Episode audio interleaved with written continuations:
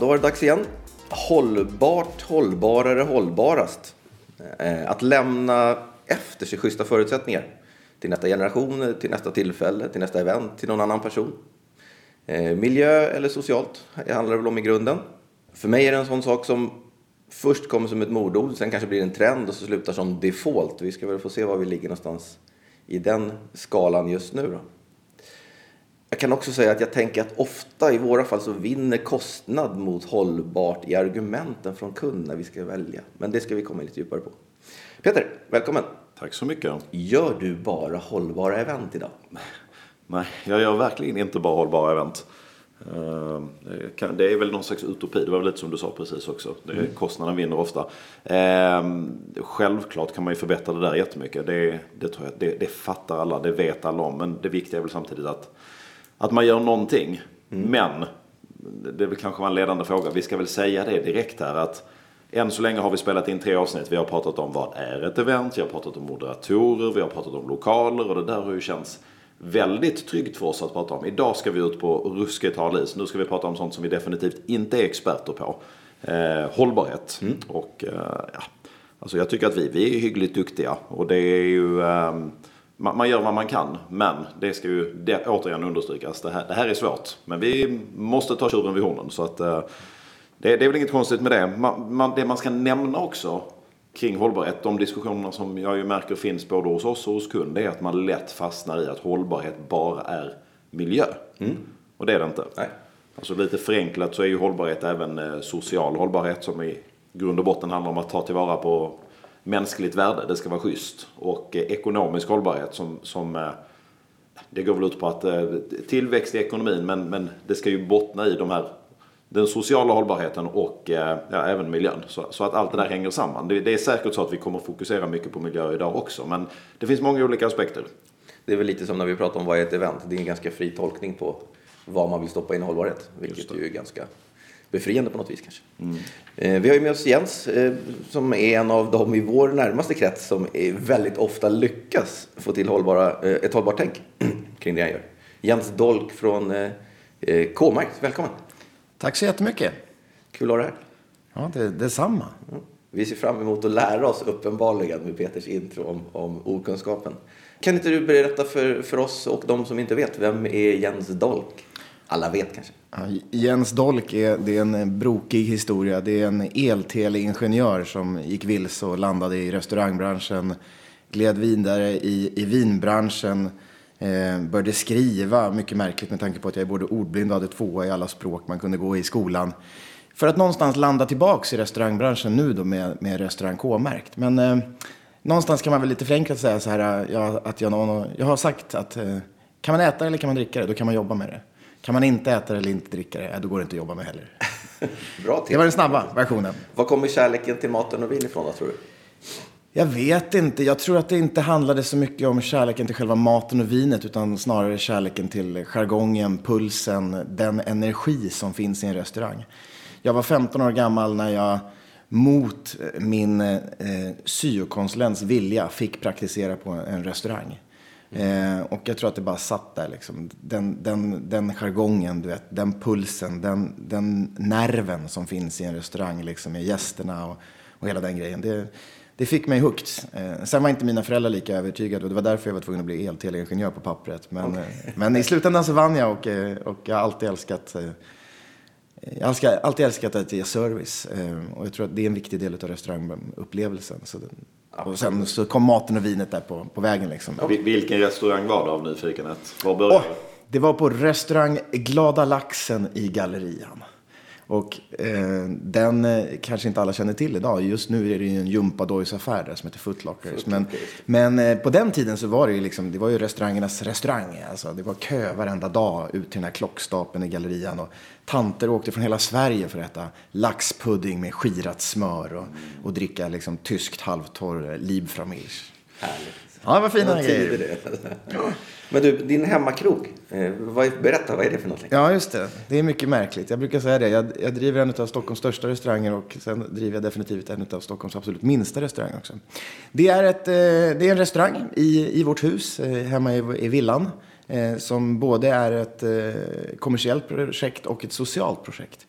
Eh, det startade nämligen genom att min äldsta son, som då var 12 år, skulle åka till Barcelona och spela fotboll. De behövde pengar, de hade sålt salamis och ljus och bakat bullar. Eh, räckte inte ens till flyg, flygbussen. Eh, och då samlade jag åtta av de här killarna, eller nio av de här killarna, och så sa jag, "Men nu gör vi en riktig jädra, nu gör vi en grej, alltså ordentligt, och så drar vi in de där slantarna. Och, och då föddes Hemmakrogen. Eh, den föddes genom att jag pushade på och barnen fick faktiskt själva vara, vara med och delaktiga. Och, och det var ju medvetet, för jag var så trött på att höra dem klaga. Liksom, du vet, kan, kan jag få det? Ja, vad kostar det då? Så här, "Ja, hur ska jag få pengar? Alltså, det, de var så oföretagsamma. Så att, eh, tillsammans så fick vi marknadsföra det där. Och det fanns egentligen bara en regel och det var så här, mamma och pappa får inte komma och farmor och farfar får inte komma.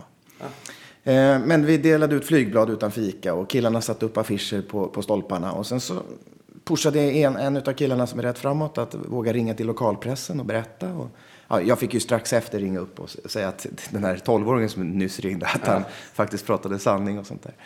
Eh, och sen fick ett annat gäng gå till, till eh, Coop och fråga butikschefen om de kunde få halva priset mot att liksom, vi lyfte fram Coop som leverantör på krogen och sånt där. Så det, så det var på riktigt. Ja.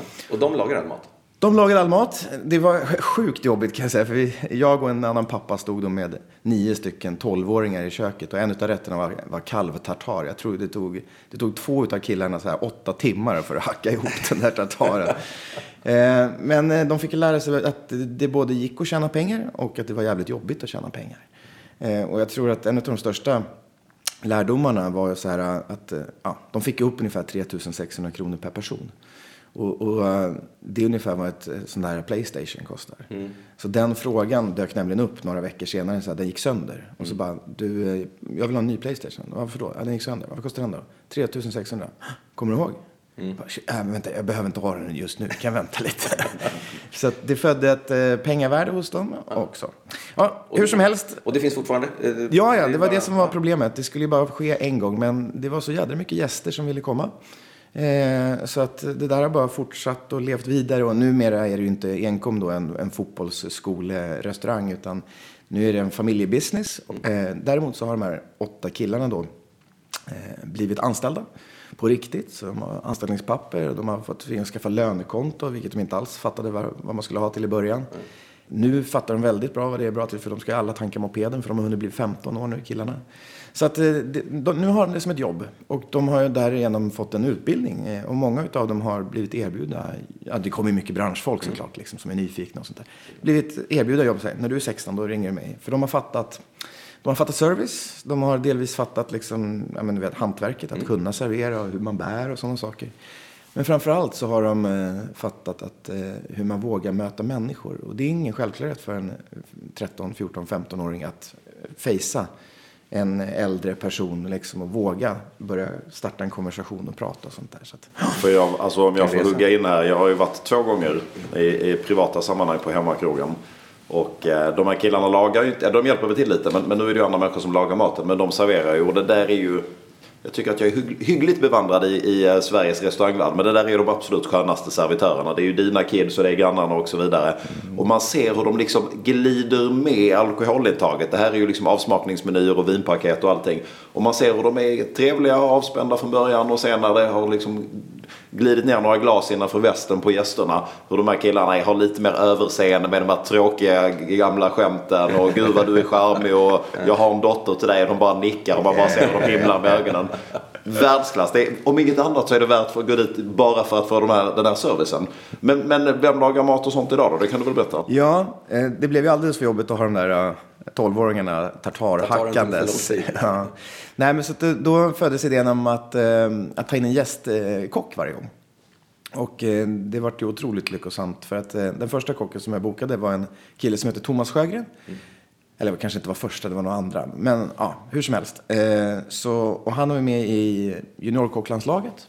Jag hade träffat honom och så hade jag bokat honom. Ja men du vet, i februari, då kör vi. Då kommer du och är gästkock på hemmakrog. Och så eh, skulle han göra några av rätterna och så skulle jag göra några av rätterna.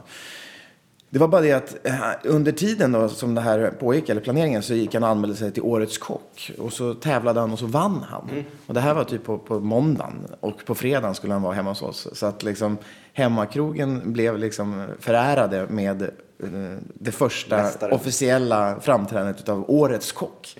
Och det där blev ju superstort. Liksom. Så att, ja, och sen har det fortsatt så. Så nu har vi då en ny kock varje gång och det är jätteroligt för det innebär ju att hemmakrogen förändras. Det kommer en ny kock, kan, den kan komma från Göteborg, eller den kan komma från Gotland, eller den kan vara från Stockholm. Det kan vara helt olika. Eh, men grundkonceptet kvarstår och, och grundkonceptet är att det alltid är skakad cocktail när man kommer. Det är möjligt också en av nackdelarna med att barnen får lära sig lite för mycket om mat och dryck. Att det kommer bli... Ja, ni fattar.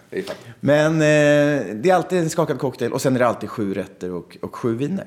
Och eh, en av de där rätterna är alltid en, en löjromspizza. Kalix löjromspizza. Som, eh, som är liksom hemmakrogens signaturrätt skulle vi kunna säga. Eh, och den är superhärlig för den är, det är liksom den ultimata mixen av det absolut fulaste vi vet när det kommer till mat. Nämligen pizza. Pizza. Ihop med, med det, det, finaste vi har i Sverige vad det kommer till råvaror, nämligen Kalixlöjromen. Liksom. Och sen det där tillsammans med ett glas champagne blir en, blir en bra start på kvällen. Nu låter det som att man, man kommer och sitter i ert kök, att man är ett sällskap på åtta. Men det är man inte. Vad är det ni tar in? Är det 30-40 man per gång? Ja, det beror lite på, men det är ungefär 30-40. Däremot så är det som en restaurang, så att det är inte så här att man kommer och sitter tillsammans med andra, utan är man en tvåa så bokar man en tvåa och då kanske man får sitta bredvid vår TV. Och är man en sexa så, så får man sitta som en sexa och kanske man sitter inne i biblioteket. Eller, nu låter det som att jag har ett slott liksom, Ja, med 40 lite gäster, grann men faktiskt. det är det verkligen inte, utan det är en liten villa. Men man sitter trångt och, och eh, så, så, det är rätt många tallrikar som ska ut och tallrikarna ska vara varma, maten ska vara god och sådär. Så att, Skithäftigt. Rekommenderas starkt. Ska vi gå tillbaka till K-märk lite? det tycker jag. K-märk, det är större projektet. Hållbarhet skulle vi väl gå tillbaka till? Ja, men där landar vi så småningom. K-märkt får du gärna berätta så att vi får en bild av det. Ja, K-märkt är en, eh, brukar presenteras som en eh, liten märklig restaurang. Eh, första restaurangen i hjärtat ligger uppe i Garnisonen på Karlavägen 100 och öppnade eh, augusti 2014. Eh, numera finns också en liten K-märkt mitt inne i city på Mäster Samuelsgatan och så finns det en liten K-märkt café, bageri, patisserie, brödbod på Teatern på Söder i, i Ringen. Men det konstiga med K-märkt är väl möjligen att eh, K-märkt ägs och drivs av eh, tre personer som alla tillsammans egentligen inte borde ha öppnat eh, en enorm bricklunchrestaurang utan snarare öppnat en liten finkrog för att Hanna Normark i köket, kocken, Daniel Ros i patisseriet, konditorn och så jag själv då, Jens Dolk, kyparen. Vår historia är från finkrogsvärlden. Men eh, någonstans, ja vi brukar kalla oss faktiskt för de tre K'na, kocken, konditorn och kyparen. En del tror att det är Ku Klux Klan, men det är det inte. Men, eh, nej, men drömmen där landade någonstans här, kan man göra volym? Kan man, kan man servera en bricklunch för väldigt många människor? Kan man göra stora middagar, stora event, cake? Alltså kan man göra volym men fortfarande faktiskt bry sig om, om råvaran, om kvaliteten, om hantverket och kärleken till maten. Liksom. Mm. Kan, man, kan, man, kan man ha en bricklunchrestaurang med 800 gäster som rullar igenom, men personalen som står där bemöter dig som om du vore på en, en vanlig restaurang eller en finkrogsrestaurang. Liksom. Eh, någonstans brukar jag förklara det med eh, med eh, en, en liten bild eh, i form av att våra kypare, när de jobbar hos oss på, på kvällarna på stora event, så är de iklädda en jeansskjorta och till det så har de en, en sån här eh, fluga som är otroligt glansig och liksom högtidlig. Ja. Och, och precis det är K-märkt. K-märkt är så enkelt eh, som en jeansskjorta men samtidigt eh, proffsigt och gott och eh, kunskapsmässigt som en, som en fluga. Liksom. Mixen av jeansskjorta och fluga. Så på frågan kan man det så kan man det helt enkelt. Ja, eh. Mm. jag tycker att man kan det. Och eh, det var faktiskt, eh, vi ska prata om hållbarhet och Mm. eh, vi har ju fått väldigt mycket uppmärksamhet för vårt hållbarhetsarbete. Vilket är ju fantastiskt, men på ett sätt också lite ironiskt. För att eh, det var inte liksom någon typ av Var det hållbarhet. tanken från början? Nej, det är det som är grejen. Vi satt inte där och liksom klurade på eh, hur ska vi starta en hållbar restaurang. Utan det kom lite som, som på vägen. Eh, det vi satt och klurade på, det var ju snarare frågan, hur ska vi kunna helt enkelt inte behöva laga mat på sämre råvaror? Hur ska vi kunna starta Sveriges bästa bricklunchrestaurang? Hur ska vi kunna göra eh, vår målsättning, Sveriges bästa bricklunch utan bricka, som vi kallar det. Liksom. Eh, det var det som var funderingen. Och när vi började ticka i lösningsboxarna där så, så visade det sig längs vägen att hållbarhet blev faktiskt ett av svaren också. Mm. Kul. Och så har det växt fram hur vi ska tänka kring det och vilka detaljer som blir viktiga och sådär. Ja, och framförallt så tror jag också så här att eh, personligen, jag menar, nu sitter jag här och pratar om, om vår restaurang och sånt där. Jag, jag har inte varit en grön människa. Jag har inte stått på barrikaderna. Jag är ingen miljökämpe liksom. Eh, jag röstade för kärnkraft höll jag på att säga, men det gjorde jag inte för jag fick inte rösta då. Men, eh, men eh, engagemanget har vuxit längs vägen och jag tror att det är så, här, det är så det måste gå till. Och nu handlar det bara om att vi måste bli mer och mer människor som, som engagerar oss i det. Och, och jag kan säga det redan nu, det är superviktigt. Det brukar komma oftast långt senare. Men för mig är det viktigt att det inte bli hardcore. Ni säger att ni inte kan, men alla måste vilja. Och, och jag tror någonstans att kan vi få många att göra små förändringar så kan vi gemensamt göra en större förändring än att några få blir väldigt hardcore. Mm. Man kan jämföra det med, med gymmet och januari. Vet, alla som står på nyårsafton säger nu jävlar, nu ska jag börja träna. Fem dagar i veckan alltså, stenhårt. Hur länge orkar man? Liksom? Ja, en månad kanske, max tre veckor. Liksom. Men om man säger så här, jag ska träna, jag satsar på eh, en gång i veckan, kanske helst två. Mm. Hur länge orkar man då? Mycket längre. Och om alla eh, blir ihärdigare så kommer vi tillsammans kunna skapa en större förändring än om, om några få blir hardcore. Eh, för det är också ett väldigt svårt ämne, eh, som ni har sagt. För att det finns eh, saker som man tror är rätt, som kan vara fel och så vice versa. Men om man hela tiden försöker så lär man sig längs vägen och blir bättre. Men ni har ju alltså ni har hittat en ganska bra lösning. Eller ni har ju flera bra lösningar kopplade till hållbarhet. Men, kan du inte orera ut lite om kring det här med, med att kockarna aldrig vet vad de ska laga för mat när de kommer på morgonen. Det tycker jag är fascinerande. Just det. Det är, det är en av lösningarna på den där frågeställningen. Det känns som jag bara pratar massor här, men det kanske är meningen. Jo, så här ligger det till. Vi säger till om det är något. Ja, det är bra. Det vi satt och funderade på var så här. Hur ska vi kunna laga mat på bra råvaror? För att eh, oftast är det inte det som är fallet man kan göra när man startar en lunchrestaurang. För att en lunchrestaurang, eh, där styrs inte priset utav kocken. Eh, alltså det är väldigt lätt att driva en fin restaurang. Du köper in den bästa råvaran mm. och så, så prissätter du den gånger tre och så lägger du på momsen och så säljer du till gästen. Klappat och klart, inga problem. Men så funkar inte en lunch, utan där styrs ju priset utav gästen och det finns ju liksom en norm vad en lunch ska kosta och vi kan leka med tanken att den ska kosta ungefär 100 spänn här i Stockholm liksom för att accepteras. Mm. Ja, vad måste man som kock göra då? Jo, man måste köpa, man måste köpa sämre råvaror. Man måste gå ner i råvarukvalitet. Och det där satt vi och funderade på, det så här, men hur kan man göra då, då för att inte eh, behöva det? Och, och, då kom man fram till, ja men om vi, om, vi inte, om vi inte behöver veta vad vi köper, om vi kan köpa allting väldigt sent, om vi kan köpa allting på natten.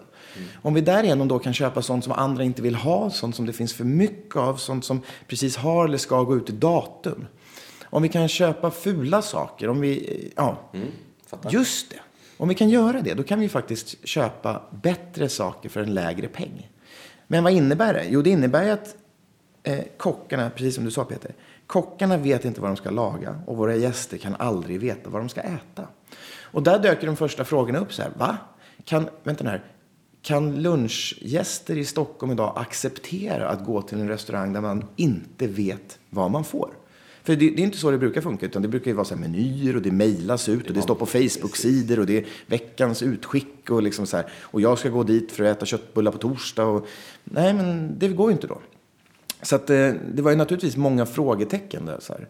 Nu kan vi ju svara på frågan så här. Kan gäster tänka sig att komma till en restaurang där man inte vet vad man äter? Ja, det kan de faktiskt. Och, och någonstans så är det åtminstone 650-850 sådana per dag som gör upp hos oss. Liksom. Men rent konkret så är det ju att ni ringer till finkrogar etc. Och vad är det du säger? Har de tre, tre kilo piggvar då köper vi dem och säljer piggvar till lunchpris. Nej, det är, inte, det är inte till finkrogen vi ringer. Utan vi ringer till samma leverantör som andra restauranger använder sig av.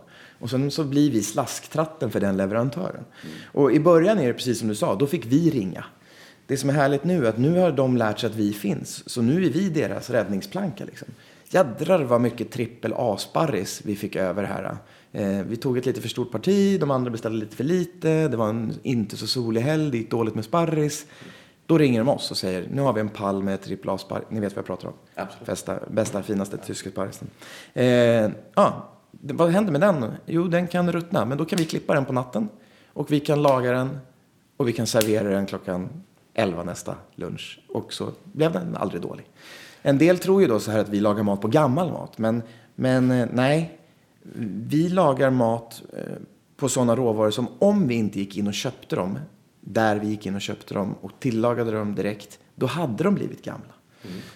Men det är inte gammal mat, eh, utan vi bara tar hand om sånt som finns. Men då har vi ju lagt en pusselbit i hållbarhetstänket. Då, då minskar vi lite matsvinn hos leverantören som riskerar att få kasta sin gamla sparris. Men sen har ni också tänkt som minskar svinnet i andra ledet va? Ja, nu finns det ju så här, vi kan ju, det finns ju flera principer som vi använder oss av eh, och nu pratar vi om hur vi gör när vi lagar lunch. Det som är härligt är att det sen har växt över och kunna appliceras också när vi har event och stora företagsarrangemang och sådana saker. Men du har helt rätt. Alltså, det första steget då genom att inte veta vad man serverar eh, är ju att man hjälper sina leverantörer att kapa svinn. Eh, det andra steget är hur vi tillagar lunchen. Och, och eh, det kan låta konstigt, men de flesta lunchrestauranger lagar inte lunchen på lunchen. Utan de flesta lunchrestauranger de lagar lunchen på morgonen och så serveras lunchen under lunchen. Det innebär att man som krögare måste varje morgon tänka så här, liksom, ja men hur många, hur många gäster kommer idag då? 600, okej då lagar vi för 600 då. Och så kommer det bara 500, men då har man ju 100 portioner över. Mm. Så där gör inte vi på K-markt utan eh, vi har ett, en, vad ska vi kalla det, en köksbarservering där man buffé som man tar maten ifrån. Och i den så har vi ett kök och där står kockar och faktiskt tillreder framförallt proteinet.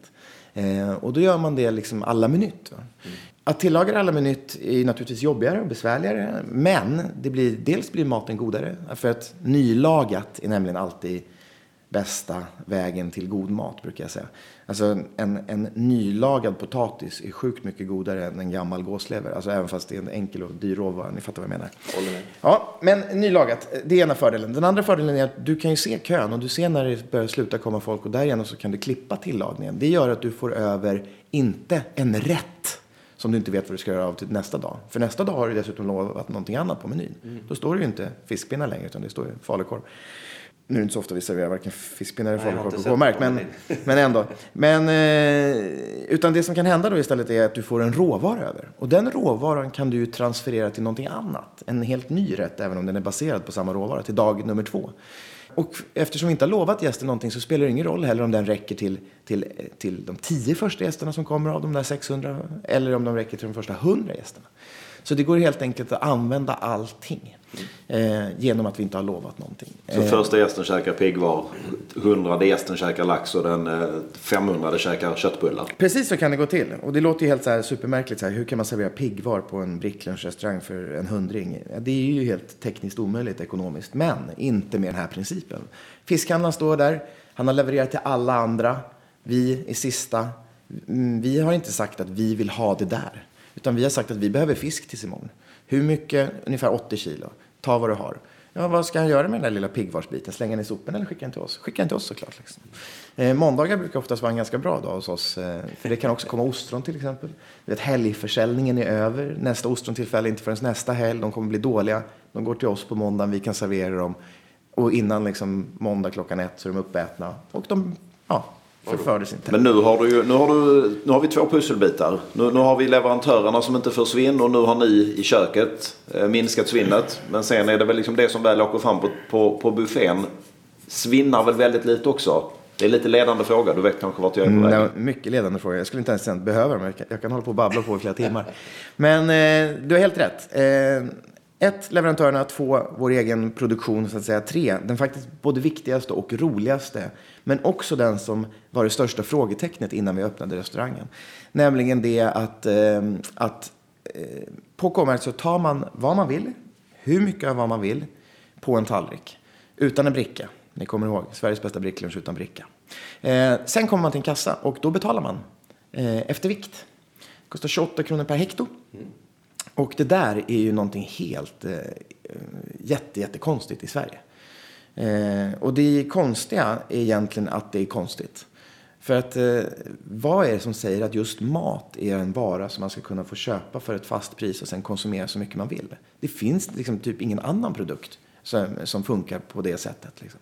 Du kan inte glida in med en bil till, till, till macken och liksom, du vet, så här, jag har en stor SUV och han har en liten Fiat. Får jag tanka för samma pris som han med Fiat? Bara, nej, din bil dricker mer. Mm. Det kostar mer för att det går åt mer bensin. Du kan lika lite glida till ICA liksom och säga till handlaren så här, du, om jag slänger in en 50-lapp här får jag plocka hur mycket smågodis jag vill. Bara, han kommer titta på dig och säga så här, du är dum i huvudet. Du får plocka precis så mycket du vill, men du betalar efter hur mycket du tar. Du kan inte stå i skärken och säga, du vet, kan du lägga på två skivor extra skinka? Jag behöver väl inte betala för dem. Nej. Varför ska man kunna göra det med mat? Jo, det där har vi lärt oss på något sätt. Liksom. Och, och, vad är det för principer som vi lär folk då? Jo, att det är ganska oviktigt hur mycket man tar och hur mycket man lägger på tallriken och hur mycket man slänger. För att det spelar ingen roll, för det kostar lika. Det vi också lär folk är liksom att, vi, att pensionärerna subventionerar byggjobbarna. Mm. Liksom, byggjobbarna äter för 150 men betalar 100. Pensionärerna äter för 50 men betalar... Ja, ni fattar. Mm. Eh, men du sa att det var i, i Sverige är vi ovana. Menar du att det är vanligare? I... Det finns eh, mer vana kring liksom, vikt principen i andra länder när det kommer till restaurangmat och sånt där. Jag tror att det, vi kanske inte var först i Sverige, men vi har varit liksom starkt, starkt stuckit ut hakan mm. och eh, faktiskt nu så här med efterhand bevisat, ja det går. Det är klart att du kommer få en och annan irriterad gäst. Framförallt i början, det var ju någon stor man. Nej, men det var han inte. Men det var en stor man. Han tyckte det var, det var väldigt orättvist det här med, alltså, gud vad ni har lurat mig. Här kommer jag att ta mat och så får jag betala efter vikt. Jag bara, men varför är det orättvist? Frågar jag. Jo, men jag gillar ju mycket mat. Ja. Men är det inte egentligen då ganska rättvist? Det finns ju de som också gillar lite mat. Nej, nej, nej. Har han kommit tillbaka? Nej, jag vet inte. Jag kommer inte ihåg vem det var. Men du av nyfikenhet då. Jag har varit där och käkat några gånger. Och det är, jag tycker att man får ju mycket valuta för pengarna. Det blir inte jättedyrt. Det kanske låter superdyrt, 28 kronor hektot. Men vad, vad kostar en snitttallrik? Är det typ en hundring eller vad landar folk på? Ja, vi, vi landar på en hundring eh, strax över. 104-105 kronor. Men det finns ju en, en spread från liksom, det finns de som äter lunch för oss för 49 kronor. Och det finns de som äter lunch för 189 kronor. Och så har vi den här killen som skulle gå någon brottningstitelmatch som åt två kilo. Ja, ni kan ju räkna ut vad han fick betala. Men han var skitnöjd. För han, han brukade alltid ha dåligt samvete när han gick till en del andra restauranger. För han, alltså han, onormalt mycket mat. Mm. Och nu så kunde han ta det utan att känna sig dum. Liksom. Det kommer ju alltid, när det är lite nyhetstorka så kommer ju alltid den här artikeln. Kina-krogen i Enköping som var tvungen att porta de här MMA-snubbarna för att de åt för 17 man och betalade 99. Men du har inga sådana gäster? Nej, de blir ju naturligtvis bortsorterade. Ja, Nej, men så det, det, är en väldigt viktig princip. För vad händer? Jo, ingen människa vill betala mer än den äter. Det är fullkomligt onödigt. Eh, vilket innebär att folk tänker på hur mycket de tar, vilket resulterar i att eh, när våra tallrikar kommer till disken så är det mer eller mindre noll matrester kvar på tallriken. Och det är ju faktiskt någonstans det viktigaste, viktigaste svinnet att kontrollera, för att det är det tråkigaste svinnet. Tänk er man står där, man har en liten ärta på tallriken som man sopar ner i soptunnan liksom, och det är ju inte hela världen tycker man, en liten ärta som glider ner där. Men, men då måste man ju egentligen, eller då ska man egentligen tänka sig den där ärtan, vad, vad som har hänt med den där ärtan. Liksom. Det var någonstans långt där borta någon som planterade ett frö i marken. Och vattnade det och tog hand om den och binde upp den där ärtskiran och så slutligen då skördade den ärtan och så var det någon som transporterade den och så var det någon som frös in den och så transporterades den till ett lager och så packades den och sen åkte den till en restauranggrossist med en lastbil och från restauranggrossisten åkte den till restaurangen. På restaurangen så tog kocken den ärtan och så tillagade den ärtan och sen så tog kyparen och så bar han ut den där ärtan och sen så tog gästen den där ärtan och sen så åt den från tallriken. Sen så struntade den i att äta den där ärtan och sen gick den till disken och så slängde den ärtan. Fatta vilket resursslöseri. Va? Mm. Det hade varit mycket bättre om den ärtan bara trillade ner till marken och åtminstone blev nygjord till dag nummer två. Liksom. Men, men eh, så att, super. Alltså, tänk jo. att gästernas del blir, blir extremt viktigt. Liksom. Det är ett fantastiskt sätt att, att förstå på. Att, att eh, få med, eh, väga, ta sin mat och inte slänga någonting. Ja. ja. Rimligt. Men då får jag fråga en sista grej här i den här diskussionen. Vi pratar hållbarhet, vi pratar det är kopplat till långsiktighet du driver en restaurang som heter K-märkt. Det, det, måste ju också förklaras. Ja, det måste förklaras. Innan vi gör det så tänkte jag bara landa i en sista sak när det gäller den här lunchprincipen. Eh, du var ju du som var pedagogisk och sa ett, vi kapar svinnet hos leverantörerna. Två, vi kapar vårt eget produktionssvinn. Tre, våra gäster hjälper oss tillsammans med oss att minska svinnet på grund av att betala efter vikt. Fyra, vi serverar också eh, vår buffé bak och fram. Det är eh, hållbart. Eh, ni vet hur det är på vanliga lunchrestauranger. Man, man tar oftast eh, ja, potatis, kolhydrater och protein först och sen kommer man till en kassa och sen så är det en salladsbuffé efteråt. Men på K-märkt så har vi vänt på steken. Nämligen att det första man tar är det gröna. Men det är nödvändigtvis inte en salladsbuffé utan det är snarare gröna, smaksatta, tillagade rätter. Eh, och när man har tagit det, då kommer man i slutet till proteinet innan man sen kommer till kassan där man väger sin tallrik. Men eh, det det gör är ju att folk omedvetet äter mer grönt och mindre protein. Av den enkla anledningen att det, liksom, det är redan fullt på tallriken. Det får inte plats fyra kycklingfiléer för att du har redan fyllt det med broccoli och morot och palsternacka och, och sådana saker. Eh, och att byta ut protein mot grönt, det är på något sätt det är den absolut enklaste och bästa hållbarhetstipset eh, jag någonsin kan komma med. Eh, vi kan prata om massor med olika tips och vi ska prata om massor med olika tips. Men det enklaste och, och någonting som varje enskild människa kan göra här och nu i liten eller större skala, det är att ta lite mindre protein och ersätta det med grönt så har vi gjort någonting väldigt, väldigt rätt. Men på det temat då, det blir ju ett sidospår, men du som är från finkrogsvärlden. Mm. Var väldigt spännande satsningar på Grand Hotel med en vegetarisk lyxkrog som har slagit upp portarna i Mattias ja. Dahlgrens regi. Vad, vad, tänker du kring det? Det är, men det är ju så här, det är helt rätt i tiden. Eh, han kommer få ut, eh, leva, eller, utstå samma ifrågasättningar som vi ibland har fått när man liksom eh, vänder på begreppen och utmanar. Eh, man har ju redan sett skriverier så här, liksom, är det rimligt att betala så här mycket för en morot? Mm. och det, den frågan får vi faktiskt också upp hos oss, nämligen det här att eh, kött och eh, broccoli kostar lika mycket, 28 mm. kronor per hekto. Eh, och det tycker folk är konstigt, för folk har ju koll på att kött är mycket dyrare än broccoli. Men eh, då så eh, förklaras det med att kött behöver man inte lägga så mycket tid på att tillaga protein. Mm. Det går ganska fort att få det till någonting som går att sälja. Men grönsaker måste man lägga mycket mer tid på. Så slår man ihop personalkostnad och råvarukostnad, då landar de ungefär på samma. Eh, jag tycker att det är super, supercoolt initiativ och han kommer, driva, han kommer driva branschen framåt genom den satsningen. Det hoppas vi. Kul. Då tar vi ett lite större grepp på, på hållbarhet tänker vi då. Nu har vi varit inne i mat och vi har fått en bra bild av K-märkt och Jens. Eh, vem av herrarna vill börja med att definiera sin bild på hållbarhet i ett lite större perspektiv? Ja, alltså jag måste vara ganska egoistisk just nu och, och säga att eh, min bild av hållbarhet just nu, det är det jag själv faktiskt kan bidra med genom att påverka andra. Eh, och jag hoppas att jag kan påverka andra genom att de inte tänker likadant, utan att de faktiskt gör enskilda saker eh, åt det. Men eh, genom att ha restaurang K-märkt, genom att ha väldigt många lunchgäster och genom att på kvällar eh, göra stora arrangemang och middagar och fester så kan jag ju därigenom faktiskt påverka. Genom att uh, inspirera andra till att våga ta modiga val, för det är det det lite handlar om. Och ska vi glida in på det där med, uh, inte lunchen då, utan när vi gör stora festarrangemang. Mm så, så um, brukar jag eh, försöka utmana köparen eller kunden eh, eller gästen som jag hellre vill kalla det mm. till att våga ta eh, djärva beslut. Liksom, du, vad skulle säga om vi gjorde hela middagen vegetarisk? Nej, men det går ju inte. Nej, det är klart att det inte riktigt går. För det kommer alltid finnas någon gubbe som skriker och tycker att vad är köttbiten? Det här var väl ingen middag liksom. Mm. Men, eh, men eh, vad sägs då om vi kanske, vi kanske kan göra förrätten vegetarisk eh, grön? Ja, det kanske vi kan. Och har vi då 600 gäster där alla äter en grön förrätt istället för att alla åt en räka så att det blev 600 räkor. Ja, men där har vi en hållbarhetsvinst direkt. Den sker hos mig, men det är gästen som, som gör det tillsammans med oss. Och i slutändan så, liksom, så har det blivit någonting gott utav det. Det skulle vara väldigt roligt om man kunde vända på det här begreppet med eh, eventsammanhang med avvikande kostlistor till att man får börja ange att jag måste äta kött. Just det. Så att det är undantaget. Ja. Du får gå till specialluckan för att få ditt kött. Mm. Alla andra äter Jag har läkarintyg på att jag behöver ett högt proteininnehåll eh, från eh, kött. Liksom. Mm. Då föreslår att vi testar det på vårt nästa kundevent. Ja, Nej men det är en sak så här. Och det där, långsamt men säkert så börjar det där liksom eh, bita lite. Va? Mm. Eh, och, eh, men det tar det är inte helt lätt att övertyga folk. Och sen så frågar man sig, du men har inte ni ett hållbarhetsarbete på firman? Jo, jo, jo det står här i vår årsredovisning. Och vi jobbar väldigt mycket med hållbarhet. Alltså det, är en, det är en central och extremt viktig fråga för vårt företag. Vi skriver bara ut dubbelsidigt. Du, skulle vi, skulle vi köra vegetariskt istället? Mm. Ja, kanske. Ja, kanske ska. Så att, ja, men du vet. Så, ja, ja.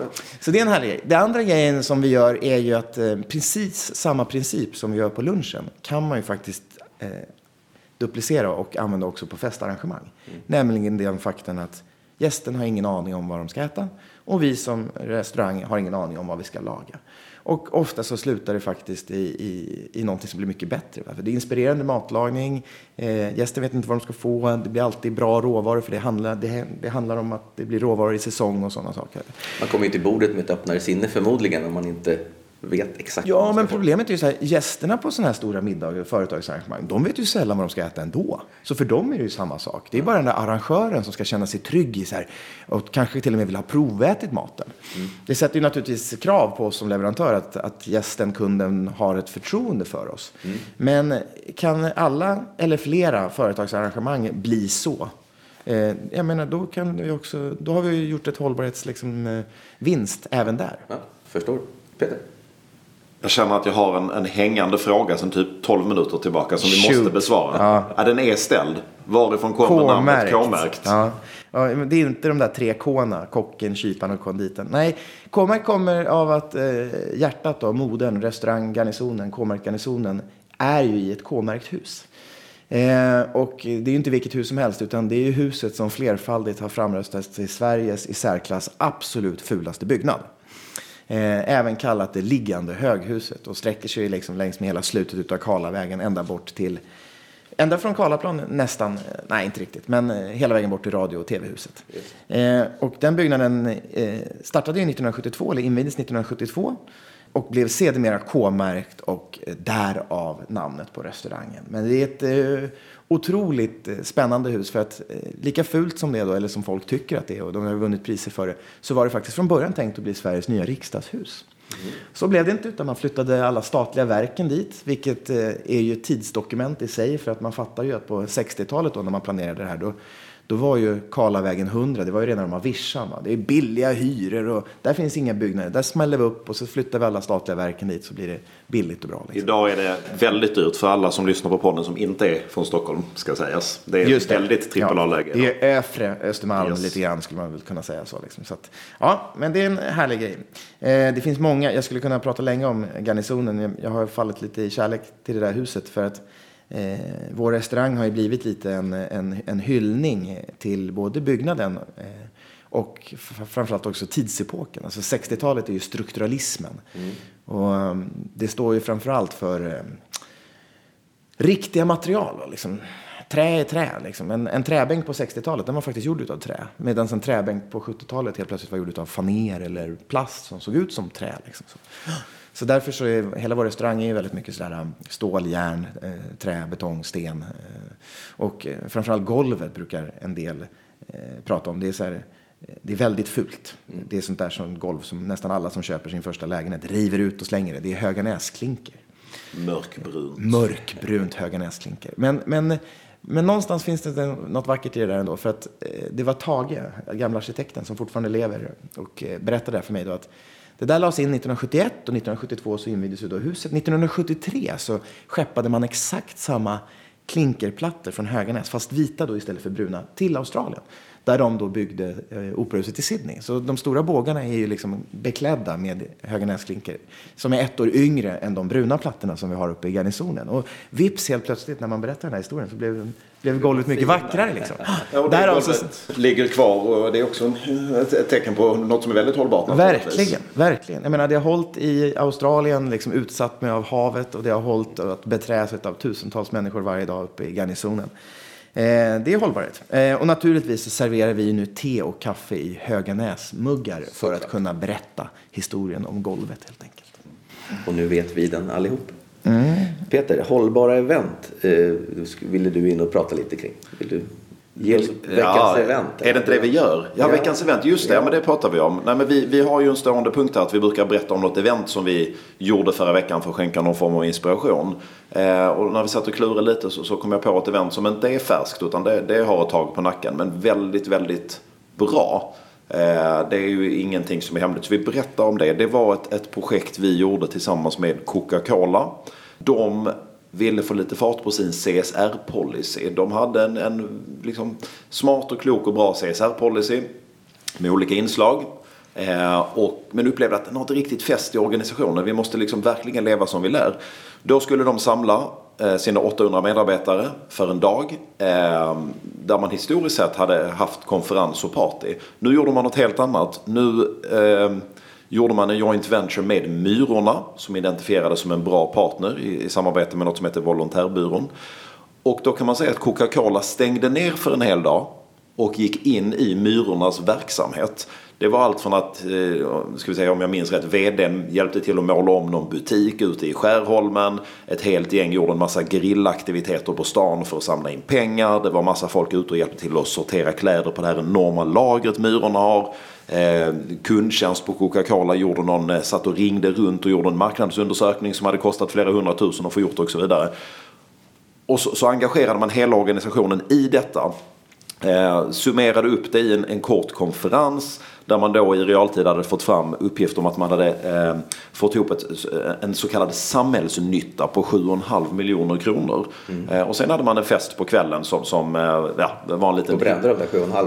ja, då brände man dem. Nej, nej, men man gjorde det helt annorlunda. En, ett stort, eh, bort från stora sittande middagar till liksom ett, ett mingelparty så, som handlade mycket om att lyfta mångkult, det mångkulturella i eh, Eh, I gänget som jobbar på Coca-Cola. Så det var en resa jorden runt. Men, men det häftiga var ju det här med, med myrorna. Att man vågade ta det hela vägen ut. Och det var det året så vann ju det projektet. Det var vi jätteglada över. Att då vann vi Gyllene hjulet för det årets bästa event. Så att det var ju ett rätt jättebra exempel på ett event, för, förvisso hållbart på många olika sätt, men, men också något som vågade bejaka hållbarheten på, och inte, inte bara prata utan på riktigt. Så att hatten av för Coca-Cola. Mm.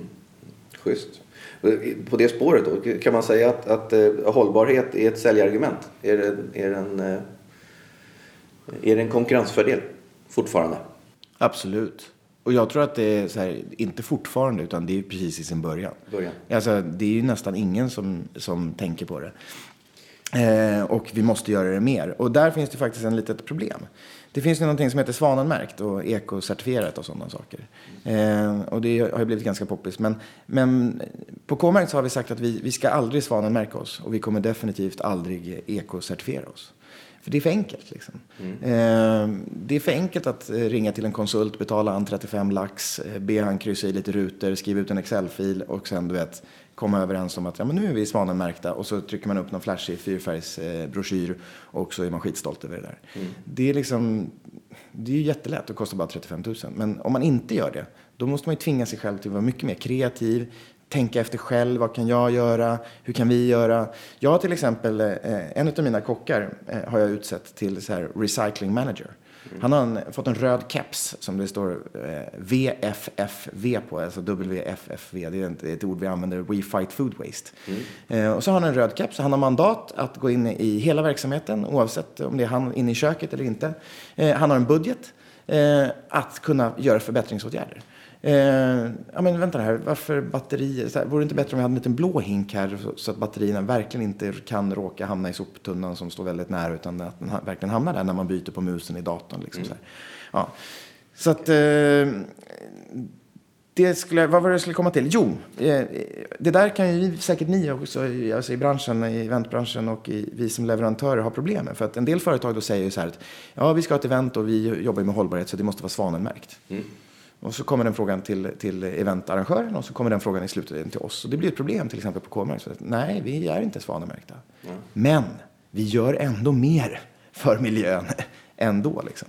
Och många grejer av de här svanemärkt och ekocertifiering och sånt där, liksom, jag menar, det, är, det är hygienfaktorer idag. Mm. Du sa det ju själv i början default. Liksom. Det finns ingen restaurang som inte har ett miljögodkänt diskmedel idag. Liksom. Så varför ska man betala en konsult och kryssa i en ruta för 35 000 för att liksom inse att man har och sen få en svan på, på företagsbroschyren? Liksom. Om det är en säljfördel tänker jag att man fortfarande... Ja, men så här, det, det blir det själv. Hållbarhet är en säljfördel, men gör det mer kreativt, gör det mer med hjärtat, gör det liksom, involvera personalen det Coca-Cola-exemplet var härligt för att det handlar om att ta hand om personalen. Mm. Vi har till exempel på garnisonen så har vi ett köksträdgård uppe på taket i, i betongen. Vi kallar det för betongodlade grönsaker.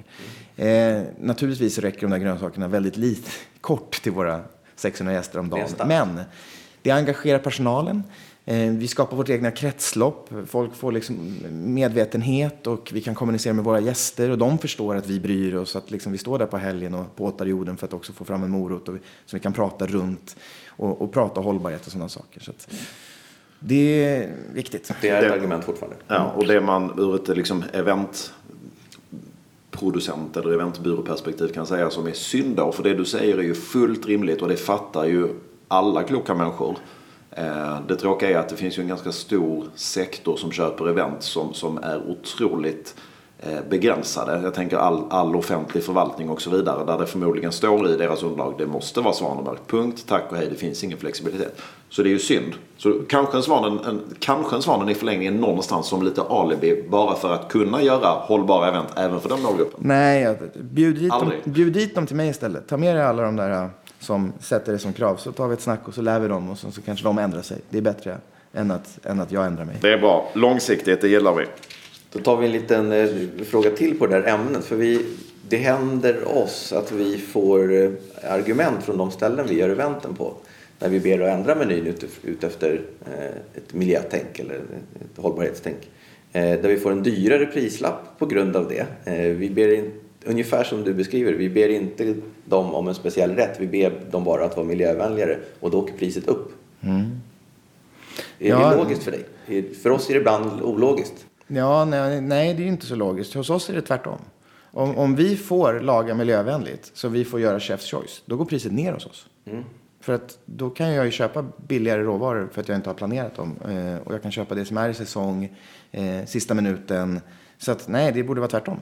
Eh, men jag förstår varför de gör det. För de gör det på någon eh, princip att så här, vi har en rutin, det här är vår meny, det här är upplagat, det här har vi kontroll på, nu ska vi göra någonting helt annat. Ja, det blir dyrare för att det kommer ta mer tid.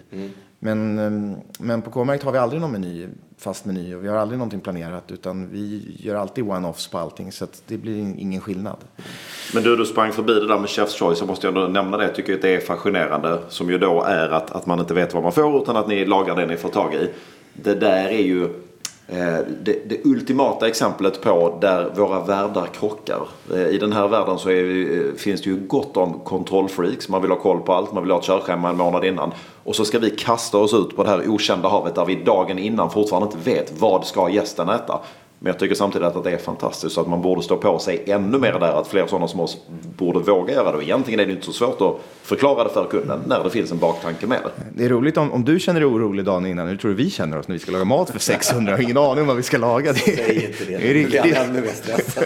Nej, dålig idé. Skit i det. Streck. Nej, nej. Nej, det blir roligare. Det är ju faktiskt så också att eh, när man jobbar efter de här principerna, alltså att inte veta vad man ska laga, Ehm, eh, och då blir det roligare att laga mat. Alltså. Kockarna, alltså det, blir, det blir ju stimulerande. Det är kreativ matlagning. Att inte stå och liksom laga samma sak idag igen. Liksom, utan shit, det blir som att här öppna, öppna ditt kylskåp va, på morgonen. Och så, vad blir det? Det är mycket roligare matlagning. Häftigt. Ja,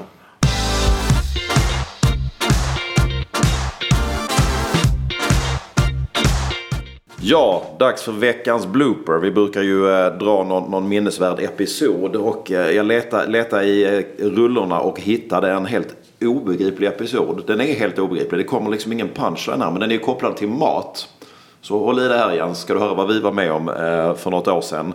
En kollega till oss skulle göra ett eh, event. Det var ett mediebolag som hade någon slags kundmingel på en båt som låg här i Nybrokajen i Stockholm.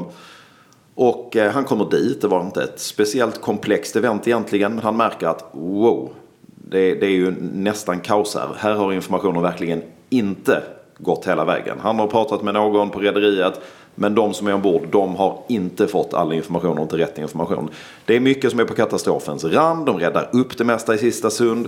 Eh, det är förvirrad och arg servispersonal. Det finns inte ordentligt med, med vin ombord. Garderoben är inte förberedd. Öppettiderna har de missförstått. Det fanns inte tillräckligt med desserter. Det var kork i glasen. Ja, det var inte bra helt enkelt. Han märker också att kockarna som ska laga maten, de har inte riktigt koll. De, de, det är nästan lite åt K-märkt-hållet. De vet inte ens riktigt vilken meny vi har bokat. Nu tror jag inte att de är samma Chef's Choice. Det var nog mer så här, vilken frysrätt har jag i, har, har jag i skåpen här? Eh, vår, P, vår projektledare får ju då lite lätt ångest. Det hänger ihop med det här kontrollbehovet man har. Nu börjar han ju kontrollera allt. Han blandar sig i allt. Lite för mycket, men det kändes ju nästan nödvändigt. Då ska förrätten alldeles strax gå ut. Han går runt och kikar och så ser han att oj, på den vegetariska förrätten så är det ju sparris, jättebra. Kanske inte då en trippel A-sparris, men, men en sparris. Men den är lindad med serranoskinka. Ja, det är ju tokigt. Då går han bort till kocken och säger du, jag, jag är ledsen, jag vill inte vara jobbig, men vi måste ändra den här vegetariska maten för att det, det är, det, det, är ju skinka. Det, det, det funkar inte riktigt för vegetarianerna. Då tittar kocken lite på honom, väntar några sekunder och skakar lite på huvudet och, och säger att eh, men vad menar du? Det är klart att det här kan gå ut till vegetarianerna. Nej, säger Kalle som han heter. Det, det, de äter ju inte kött. Skinka är ju kött. Och då tittar kocken på honom helt seriöst och säger Men vad menar du? Det är ju lufttorkad skinka. Och där, eh, vet, jag, det, det, kommer ingen punchline Det är bara så konstigt. Och det här är ju liksom en riktig kock som gör det. Och han hävdade med en fas. Det är lufttorkad skinka, alltså kan vegetarianerna äta det. Kalle bara skakade på huvudet och gick därifrån och körde vidare gigget och de löste någonting. Men fin, finns det någonting som jag inte förstår i den här storyn? Så, som på något sätt kan ha föranlett den här människan att tycka att det här skulle bli vegetariskt. Finns det någon hemlighet bakom lufttorkad Är det en skinka? fråga till mig eller? Jag vet att jag tittar nej, på dig. högst, eh, nej, det måste bara vara en extremt eh, missförstånd eller någon som verkligen inte har koll eller eh, du vet, som har lärt sig någonting eller nej. Eller som var superironisk för att han insåg att han kom inte längre. Liksom. Ja, kanske. Nej, det förvånar är mig. Men det finns en intressant fråga med om jag får flika in. Hinner vi? Absolut. Ja. Det är det här med vegetariskt och veganskt. För det är en begreppsförvirring som, som finns där. Jag, menar, jag är övertygad om att ni tänker så här att eh, vegetarisk mat är ju grön mat eh, och vegansk mat är också grön mat fast då äter man inte ägg eller mejeriprodukter. Men så är det ju inte. Utan egentligen så, det finns, man kan inte äta vegansk mat. Utan man är vegan, alltså det är en livsstil. Men man äter vegetariskt. Äter man vegetariskt med ägg och mejeriprodukter, då är man ju laktovo-vegetarian. Så att det, det finns ju en liten problem i det där. Liksom. Om ni, eh, eller som event, liksom kund eh, eller leverantör, så kommer ni till mig och säger så här, vi vill ha vegetarisk 10 portioner och vegansk.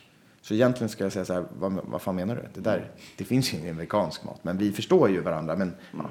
Det kanske var något sånt med den där serranoskinkan, att någon begreppsförvirring. Liksom, att, eh, Vi brukar relatera till det när vi får in de här eh, allergiavvikelselistorna. Att eh, den är skriven på vegetariska, ett språk vi har uppfunnit här. För att det är ingen som vet riktigt vad som betyder vad här längre heller. Nej, så det brukar extra nog. Annars finns det ju Stockholms vegetarianer, eller Stockholms eh, så här, eh, ja, olika allergier med, med, som man sett i Stockholm förut. Där man inte är så himla noga när det väl kommer till kritan. Liksom. När det väl är på riktigt. Ja, men typ så här, jag är vegetarian, men ja, ja, är, det, är det hängmörat kött? Nej, men då går det bra. Det är Stockholms vegetarian. Höjden av hyckleri faktiskt. Ja, Då har jag en kort variant från Skottland under mul och klövsjukans tid. Då hade jag 350 man uppe i norra Skottland varav 290 var vegetarianer. Just de dagarna. När vi var där. Såklart, I just det. inte.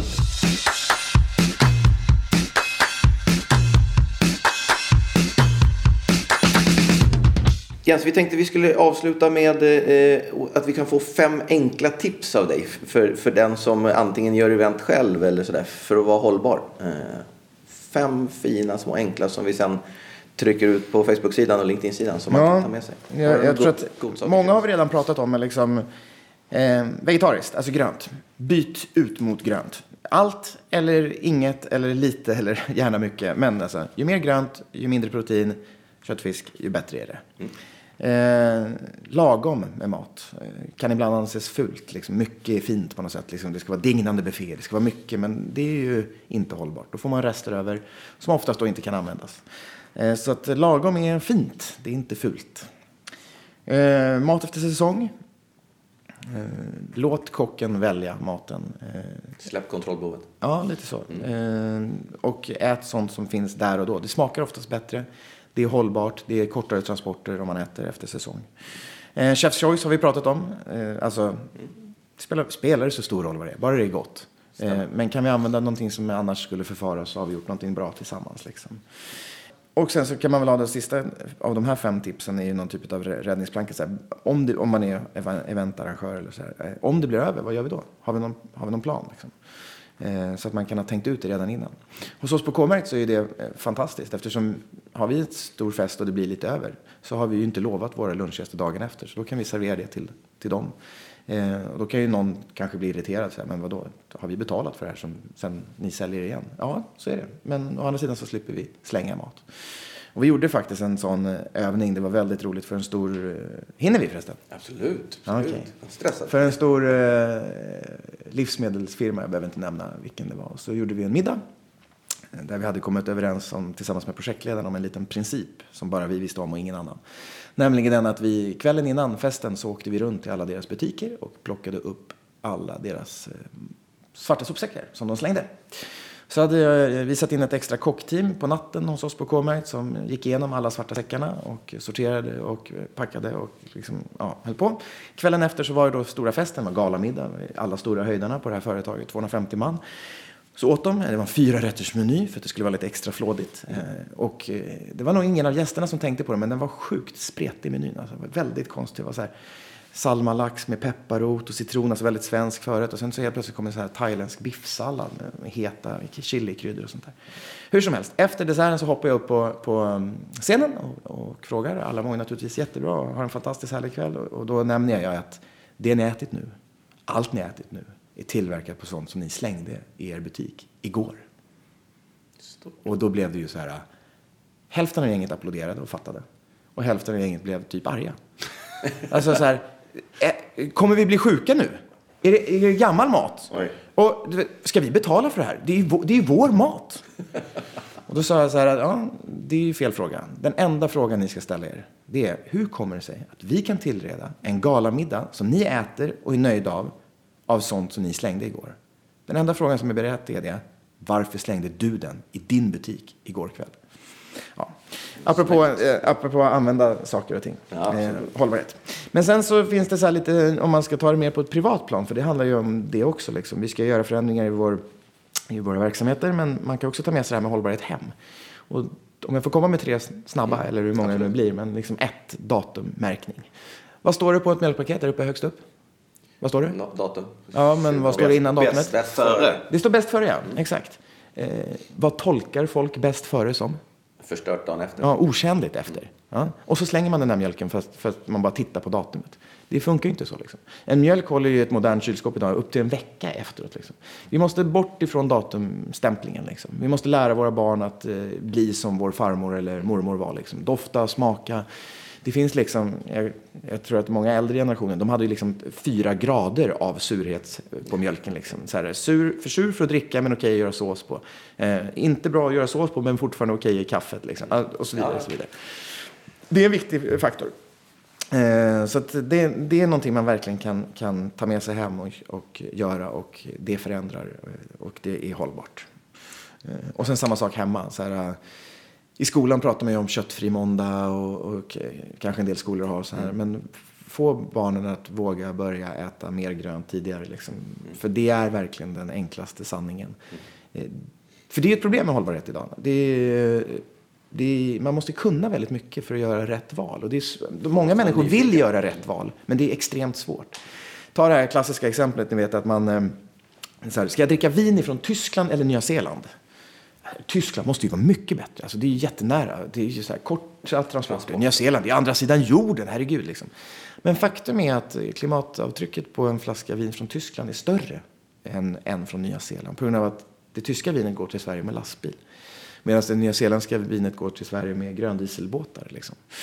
Så att även om du vill göra rätt val. att hålla reda på Exakt. Ja, du måste typ vara doktorand i varje ämne. Så här. Är lokalproducerad mat, så här, är det, det kommer ibland som krav. Liksom. Vi vill ha lokalproducerad mat. Är lokalproducerad mat alltid bra? Så här. Ja, det är lätt att tro det, men det är faktiskt inte alltid sant. Liksom. Eh, Så man måste, ju, man måste ju vara väldigt påläst och då kan man ju till slut bli så, här, så förvirrad så man bara skiter i allting. Och så struntar man i försök att vara hållbar. Men då, är det så här, då går vi tillbaka till det jag sa i, precis där i början. Det finns ett väldigt, väldigt lätt sätt och det är byt ut mot grönt. Liksom. Det är så enkelt och det funkar. Och då spelar det ingen roll om tomaten kommer ifrån liksom Kina eller ifrån Uppland. Att byta ut tomat från en köttprodukt är alltid bra. Även fisk. Då gör vi så att vi stänger med det rådet. Byt ut mot grönt. Blir vårt slutråd. Tack för en eh, spännande diskussion. Vi har tangerat ämnet hållbarhet. Peter, känns det okej? Ja, det är ju fortfarande läskigt, Läskigt. men det är lite tryggare. Härligt, härligt. Då tackar vi för eh, lyssnandet och tackar för Jens bidrag. Otroligt spännande. Och ska vi pusha för våra sociala kanaler?